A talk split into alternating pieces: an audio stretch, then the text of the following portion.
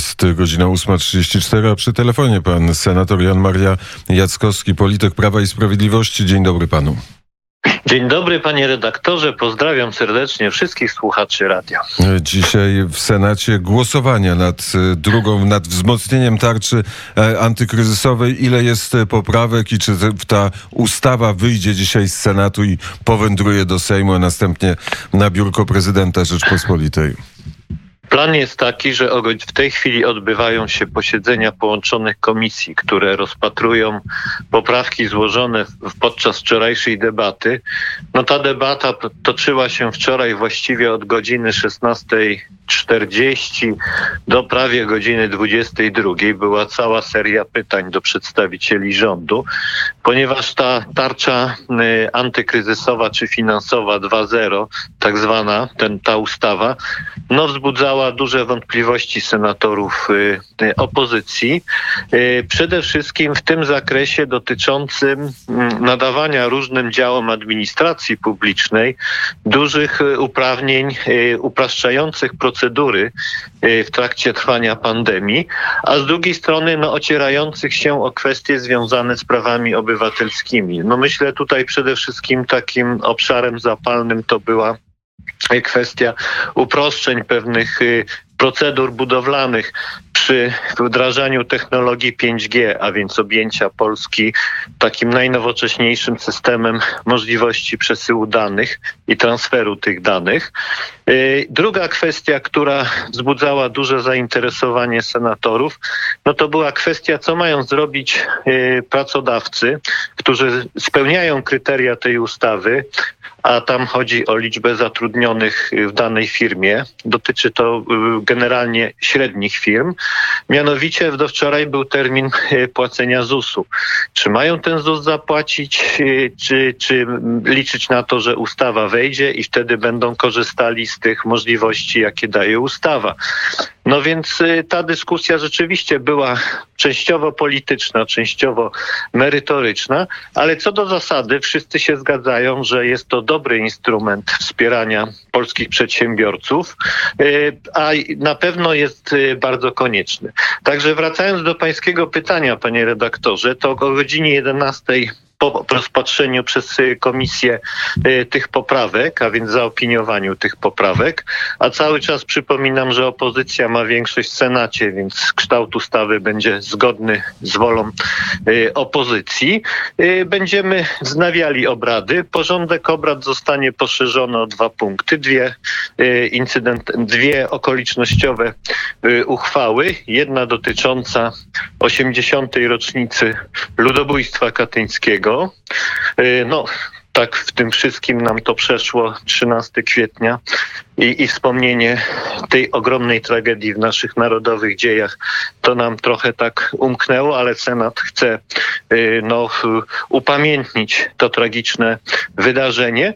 A druga uchwała, no już bardziej mająca zdecydowanie charakter polityczny, dotyczy wezwania ministra y, edukacji narodowej, a właściwie rządu, do wskazania precyzyjnego kalendarza, jak będzie wyglądała kwestia egzaminów 8, 8, absolwentów szkół podstawowych i jak będzie wyglądała sprawa matur.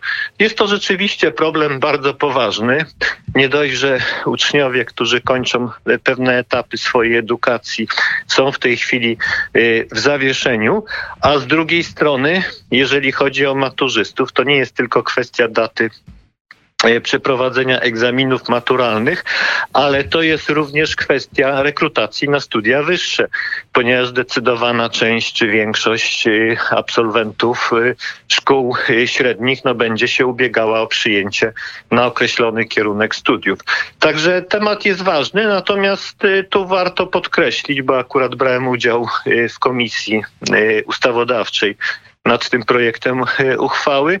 No, upadł wniosek racjonalny, żeby zaprosić ministra edukacji e, narodowej na posiedzenie komisji, aby on się określił. Być może rząd w tej chwili ma przygotowany ten harmonogram, no a tu opozycja próbuje e, ten temat no, do swoich celów wykorzystać. Także taki mamy plan na dzisiaj. I wszystko na to wskazuje, że te obrady dość sprawnie zostaną przeprowadzone i dzisiaj zostanie zakończone posiedzenie Senatu. No i ustawa, Ty- mówię tutaj, y, ta y, związana z tą tarczą finansową 2.0 trafi z powrotem do Sejmu, ponieważ wszystko na to wskazuje, że zostaną przyjęte poprawki, a więc Sejm będzie musiał to szybko rozpatrzyć, tak aby ustawa trafiła na biurko pana prezydenta i jak najszybciej mogła wejść w życie. A dlaczego się o technologii 5G mówiło w Senacie?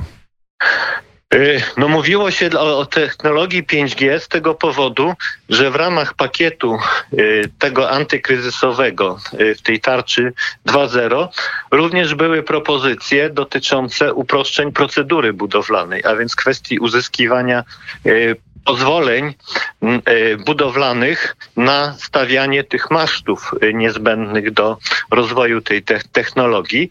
No i to wzbudzało duże wątpliwości, ponieważ y, no, tutaj rzeczywiście kwestia wyważenia pewnego interesu społecznego ogólnego, jakim jest dostępność do tych nowych technologii, a z drugiej jednak nie do końca jasnych skutków negatywnych, jakie stawianie tych masztów w bliskich odległościach od y, miejsc zamieszkania może powodować. No więc to był też jeden z elementów, y, który w tej dyskusji się pojawiał.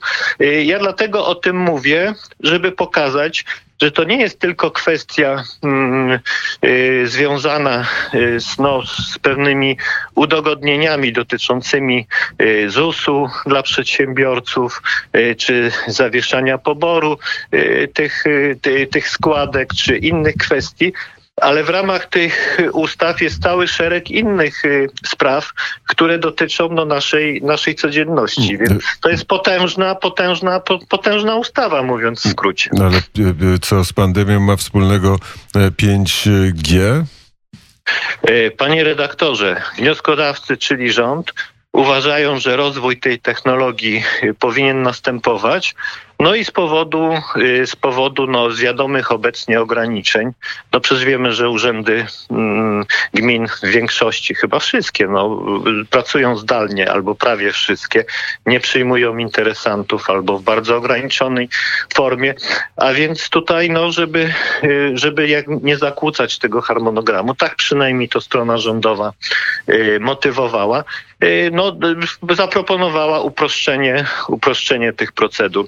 To ja mówię, to jest sprawa oczywiście kontrowersyjna, wywołująca y, też emocje, przede wszystkim ze środowisk y, tych, y, którzy uważają, że opinia publiczna, znaczy, że obywatele powinni mieć większy wgląd i tu powinna być bardziej przesunięta na po stronie interesu tych, którzy bezpośrednio są w pobliżu tych urządzeń, a skutki zdrowotne czy jakiekolwiek inne, chociażby też obniżenia wartości ziemi. No panie redaktorze, znam takie sytuacje, bo do mnie się zgłaszają ludzie, że postawienie masztu, co jest dla właściciela gruntu dochodowe, no bo uzyskuje taką, taki czynsz z tego tytułu i to jest dochodowy yy, yy, i to jest źródło poważnego dochodu, ale jednocześnie następuje obniżenie wartości ziemi w okolicy, no bo już na przykład jeżeli jest to ziemia budowlana, czy z taką możliwością, no to raczej ludzie niechętnie osiedlają się w okolicach takich 60-metrowych na przykład masztów yy, i już wartość tej ziemi spada, więc to jest problem, który ma bardzo wiele aspektów, no, o To- które o, trzeba oczywiście o tym wszystkim dyskutować. Ale czy przedstawiciel rządu mówił o tym, że chodzi o sieć y, 5G i o budowę tej sieci? Tak jest, ponieważ myśmy wcześniej przyjęli ustawę, y, która y, dotyczy, u, u, umożliwi, umożliwia y, rozwój tej technologii. Zresztą ustawę, która też w Senacie, no już nie chcę wracać do mm, tej debaty sprzed wielu miesięcy, z kilku miesięcy, ale też na ten temat żeśmy dość szeroko w Senacie dyskutowali. Minister e, cyfryzacji, który był wczoraj gościem poranka wnet, mówił, że to nie chodzi o sieć 5G, dlatego się e, dopytuje. Nie, no to chodzi, chodzi, no ja umownie mówię sieć 5G, ale chodzi o rozwój generalnie y, nowych technologii i możliwości przesyłu danych. Jest jeszcze ustawa dotycząca dostępu do naszych e, danych, które e, daje ustawa o e, tarczy, o miejscu przebywania, o tym, że operator musi te dane udostępnić na, na życzenie To jest rządu. osobny aspekt dodatkowy, panie redaktorze, to jest osobny aspekt y, dodatkowy. Y, I to też, y, no, y, jeżeli tak już rozmawiamy, to faktycznie cały szereg obostrzeń i utrudnień, no i co tu dużo mówić, pewnych ograniczeń praw obywatelskich i wolności, jakie mamy teraz w związku z pandemią, to nie wywołuje w tej chwili jakichś ogromnych emocji społecznych, ponieważ no, znaczna część opinii publicznej uważa, że te działania są potrzebne, konieczne ze względu na y, ochronę dobra większego, jakim jest zdrowie y, i życie Polaków.